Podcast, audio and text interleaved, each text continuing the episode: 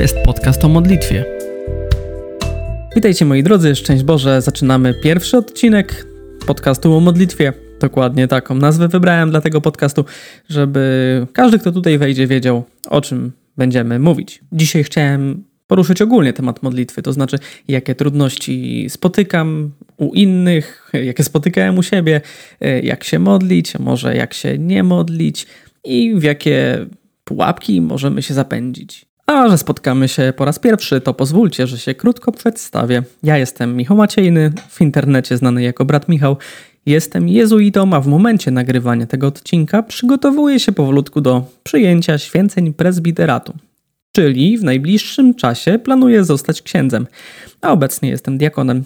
Ukończyłem też teologię na Akademii Katolickiej w Warszawie, prowadzę kanał na YouTube, no i ogólnie lubię nowoczesne formy przekazu. W dużej mierze będzie się, będę się tutaj z Wami dzielił osobistymi doświadczeniami w temacie modlitwy i wydaje mi się oczywiste, czym jest modlitwa, że każdy wie, co to jest. No, ale spotykam się nieraz w memach, wpisach na Facebooku, jakichś innych miejscach w sieci z opinią, że Pan Bóg to jest taki samolubny, bo potrzebuje naszej modlitwy. No i słuchajcie, czy Pan Bóg potrzebuje naszej modlitwy? I odpowiedź może być tylko jedna. Nie potrzebuje jej, ale jej pragnie. Słuchajcie, błąd w postrzeganiu e, tej samolubności Pana Boga bierze się stąd, że traktujemy modlitwę jako obowiązek, jako powinność, jak taki rodzaj pańszczyzny, którą muszę odpracować, aby przede wszystkim nie otrzymać kary. Rozpiętość takiego czucia modlitwy może być bardzo duża. Traktowanie modlitwy jako pańszczyzny to już daleka skrajność, ale spotykana jest dość powszechnie. I dlatego na samym początku naszego podcastu chciałbym odkłamać to. Modlitwa nie jest Twoim obowiązkiem, a Twoim przywilejem. To jest dar, który Ty otrzymałeś od Pana Boga, a nie odwrotnie. I modlitwa to Twoja szansa na budowanie relacji z Panem Bogiem, relacji bezpośredniej i wprost. Jeżeli wychodzimy od tego, że wierzę w Pana Boga, to jeśli wierzę w Pana Boga, to chcę z Nim budować relacje, bo wiem, że jest miłością, że może mnie obdarowywać swoimi łaskami i pragnę, by został moim przyjacielem. To jest punkt wyjścia, gdy myślę o swojej osobistej modlitwie. Jest w moim życiu parę osób, które myślę, że mogę nazwać przyjaciółmi. Mówi się w ogóle, że im jesteś starszy, tym ta liczba osób się redukuje. W podstawówce jest tabu, na po 30 mm, trochę mniej. Mam paru przyjaciół, z którymi chcę się kontaktować, ale nikt nie każe mi do nich dzwonić. Sam chcę to robić. A chcę to robić, bo mi na nich zależy. I prawda jest taka, że nie zawsze jest to łatwe i nie zawsze mam siłę, ale mimo, że są takie momenty, że po prostu mi się nie chce, to piszę tę wiadomość na Messengerze czy WhatsAppie. Chociaż ja akurat mam czasami z tym problem i się cały czas tego uczę, budowania tej przyjacielskiej re relacji. Do moich przyjaciół, przepraszam. I z modlitwą jest podobnie. To znaczy, głęboko egzystencjalnie mam pragnienie tego, by utrzymywać relacje, bo zależy mi na tej drugiej stronie. Chociaż nie zawsze mam na to siłę, Dlatego czasem to przybiera formę przymusu trochę. To znaczy, no, muszę się pomodlić. Tylko, że u swojej podstawy to nie jest powinność zewnętrzna, że ktoś mnie zmusza i każe się modlić, a wewnętrzna. Ja muszę, no bo chcę się modlić. Wiem, że to jest istotny element tej relacji. No i jak mówimy o relacji z przyjacielem, to zobaczcie, że nie zawsze ona wygląda tak samo. No i Podobnie jest z modlitwą. Nie zawsze musi wyglądać tak samo. No więc przejdźmy teraz do tego pytania, które trochę zadałem na początku tego podcastu. W jaki sposób się modlić? To pytanie dla mnie zawsze ma dość prostą odpowiedź. W taki sposób, jaki cię karmi, jaki służy tobie na twoim etapie życia duchowego. Bo najgorsze, co może być w życiu duchowym, to skostnienie i pielęgnowanie tej skamieniałości. Powiem wam, że nieraz można spotkać osoby, ja spotykałem takie osoby w wieku 50, 60 lat, które zatrzymały się na modlitwie, jaką nauczyła ich babcia w wieku lat 5. I to jest jedyna forma modlitwy, jaką znają, jaką praktykują, albo częściej jakiej nie praktykują, bo jest dla nich zbyt infantylna. Ona była dobra, jak mieli 5 lat, a nie 50. No właśnie, bo modlitwa to jest sfera dynamiczna która powinna się zmieniać w czasie. Inaczej modlę się mając 5, inaczej mając 50 lat. W mojej historii tak było, że miałem w swoim życiu taki moment, chyba jak chodziłem do gimnazjum, że nie wyobrażałem sobie dnia, by nie odmówić koronki do Bożego Miłosierdzia. I byłem tak przywiązany do tej formy, że w każdej kurtce czy torbie miałem różaniec, by móc się porządnie pomodlić. I z czasem mm, wychodziły z tego różne śmieszne sytuacje, gdy przypadkiem przełożyłem jeden do innej kieszeni, drugi wyjąłem, nagle miałem w jednej kieszeni pięć różańców. No i raz jak próbowałem taki pęczek z różańców rozplątać, to kolega mnie zapytał, czy handluję różańcami. I czy to było złe? No absolutnie nie było. Może trochę przesadzałem z tymi różańcami, teraz bym pewnie tak nie robił, ale miałem naprawdę poczucie, serio, że ta modlitwa jest dla mnie. No i jakoś w podobnym czasie, trochę później, e, próbowałem też modlić się na brewiarzu. I po tygodniu zrozumiałem, że ta modlitwa nie jest dla mnie. No i słuchajcie, z tym brewiarzem to było jakieś 15 lat temu. Teraz zdecydowanie więcej modlę się na brewiarzu. I to nie tylko, że jestem diakonem i obiecywałem odmawiać liturgię godzin, ale po prostu lubię tę formę modlitwy. No i mam jeden różaniec, a nie 15 i obecnie nie odmawiam codziennie koronki do Bożego Miłosierdzia. To po prostu z czasem może nam się zmieniać. Druga sprawa z tym gdzieś związana to dostosowanie modlitwy do mojej osobistej sytuacji danego dnia. E, wiecie, taką sztandarową modlitwą dla jezuity jest medytacja ignacjańska. To jest taka forma, gdzie rozważa się fragment Pisma Świętego w swojej głowie. Nazywana jest też e, modlitwą myślną, ale o medytacji będzie na pewno jeszcze w przyszłości odcinek. To jest naprawdę forma niesamowita i ona zmieniła moje życie. No, powiem jeszcze o tym. Ale nie jestem w stanie modlić się tak codziennie. A to dlatego, że studiuję. No właśnie, i w trakcie studiów bardzo dużo pracuje się jednak umysłowo, o dziwo. I po iluś godzinach wykładów ja nie jestem po prostu w stanie usiąść i przez dłuższy czas rozważać jakiegoś fragmentu, bo mój mózg spłonął i odmówił współpracy. Tym bardziej, kiedy studiuje się teologię i po prostu masz pewien przesyt treści religijnych. Naprawdę.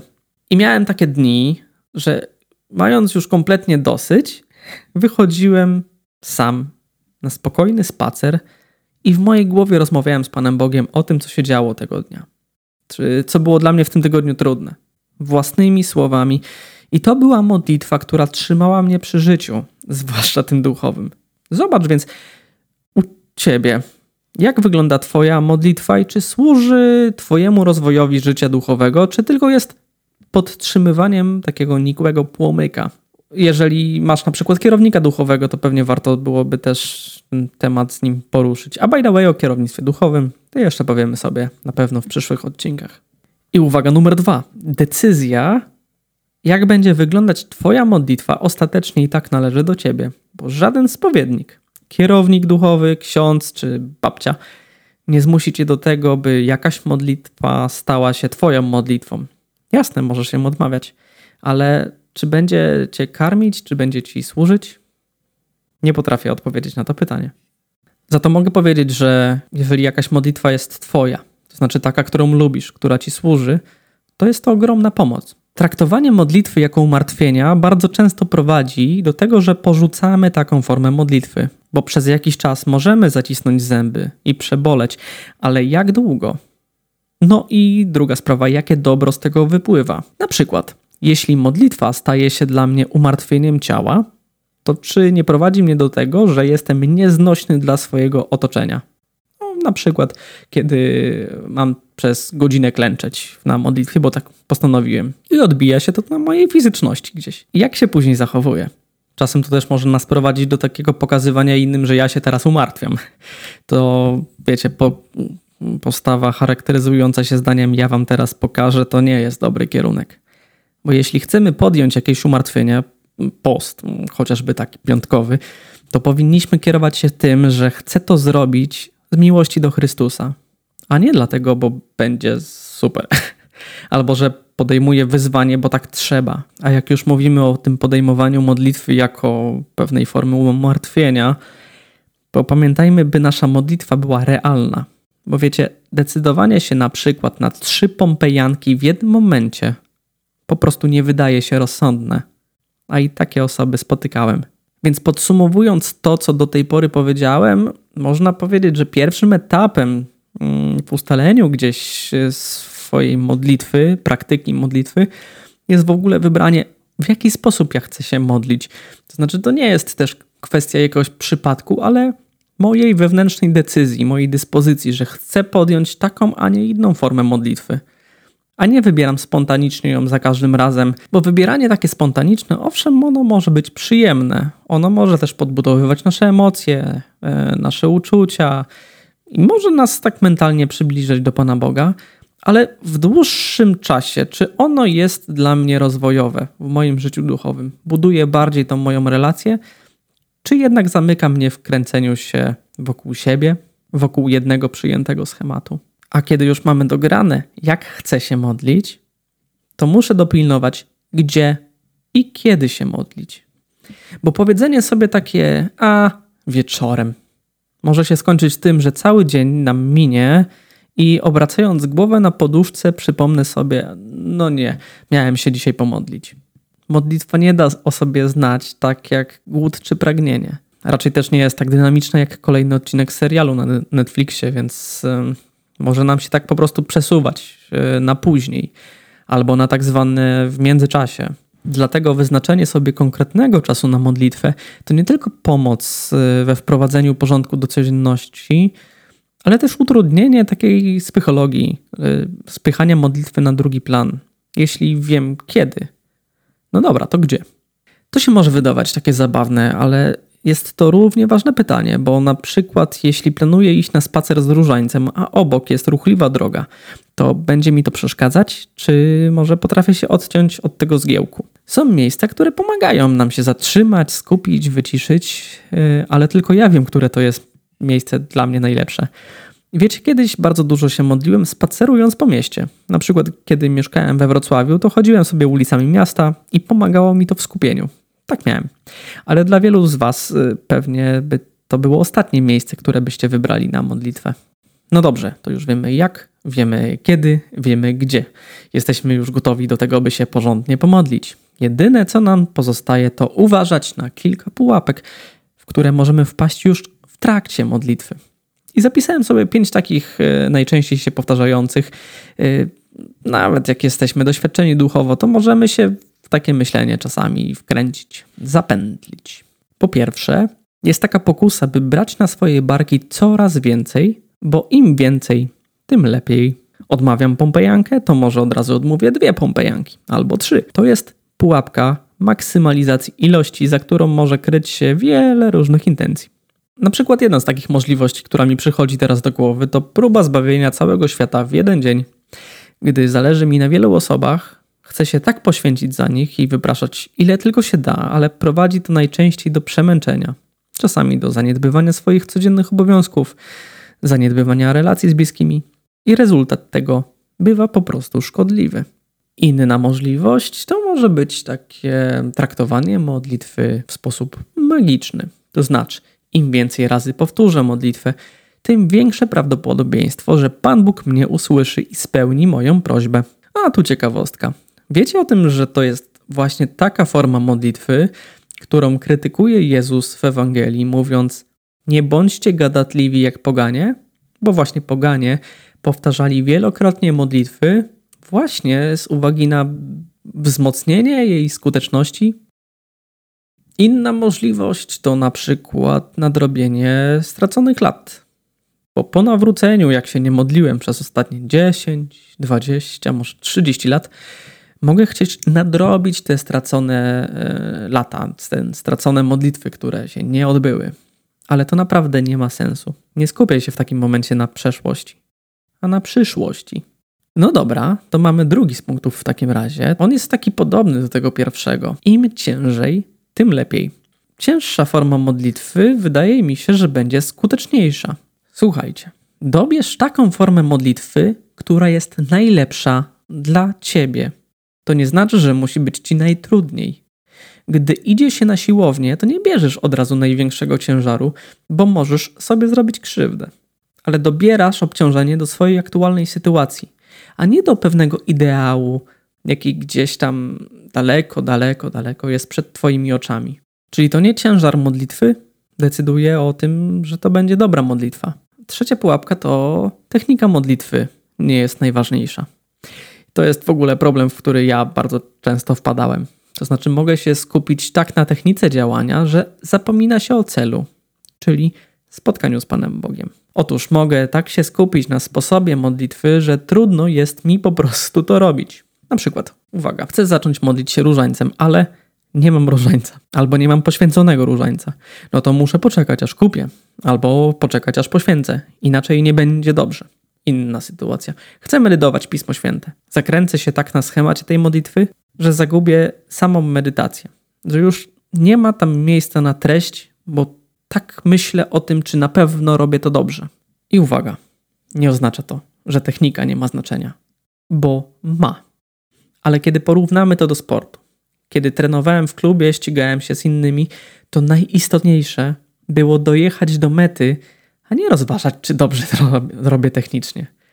To nie był ten czas. Najważniejsze jest nie gubić tego celu, jaki mam y, ostateczny. Więc y, nie kręćmy się wokół rzeczy drugorzędnych, bo to może być dla nas pułapka. To może być dla nas pokusa od uciekania właśnie od tego celu. No dobrze, kolejną pułapkę nazwałem koncertem życzeń. Jak miałem chyba jeszcze z 14 lat, to nie wiedziałem, że modlitwa może wyglądać inaczej jak proszenie o cokolwiek. Mamy nawet to powiedzenie w Polsce, jak trwoga to do Boga. I schemat ten utrwala się również w popkulturze, w każdym jednym amerykańskim filmie. Gdy pojawia się motyw modlitwy, to praktycznie zawsze jest to błaganie Pana Boga o spełnienie prośby, albo wręcz wymuszanie na Panu Bogu wypełnienia tego naszego postulatu. A modlitwę traktuj jako budowanie relacji z Panem Bogiem. W modlitwie mogę podzielić się z, z Nim tym, co było dla mnie ważne danego, danego dnia, co sprawia mi trudności, co mnie spotkało dobrego. I to nie wyklucza proszenia o coś w tej modlitwie, ale zmienia podejście do niej, że to już nie jest wymuszanie, a relacja z kimś mi bliskim, kogo mogę prosić o pomoc, ale nie nakazuje tego. I ta zmiana tego podejścia, tego trochę roszczeniowego podejścia wobec Pana Boga, to jest naprawdę bardzo duża zmiana. Coś, co chyba jest najważniejszym punktem przełomowym mojej relacji po prostu, w moim rozwoju życia duchowego. Ale to nie jest jednorazowa rzecz i deklaratywna. Raz powiem, no pewnie, y, ja nie traktuję Pana Boga w sposób taki, że oczekuję od Niego czegoś. Ale potem, jak jest jakaś sytuacja, mm, ja też w taką pułapkę niejednokrotnie wpadałem, no i dostrzegałem to faktycznie no, w jakichś kryzysowych dla mnie momentach, że nie, no, deklaratywnie może nie mówię tak, ale wewnętrznie jest co innego. No i ostatni z punktów. Nazwałem go ogólnie tak skrupułami. Skrupuły to jest taka choroba duszy, o której trzeba będzie jeszcze w przyszłości nagrać osobny odcinek, bo to jest zjawisko naprawdę powszechne. Nie, nieraz też mnie pytacie na innych y, platformach, na TikToku, na YouTubie o skrupuły. W tym kontekście modlitwy i skrupułów możemy dostrzec to jako pewien wymiar niewiary albo może niepewności wobec Pana Boga. Co to oznacza? Bo na przykład myśli takie jak może ja nie jestem wystarczająco godny, by wszechmogący Bóg w ogóle się mną zainteresował?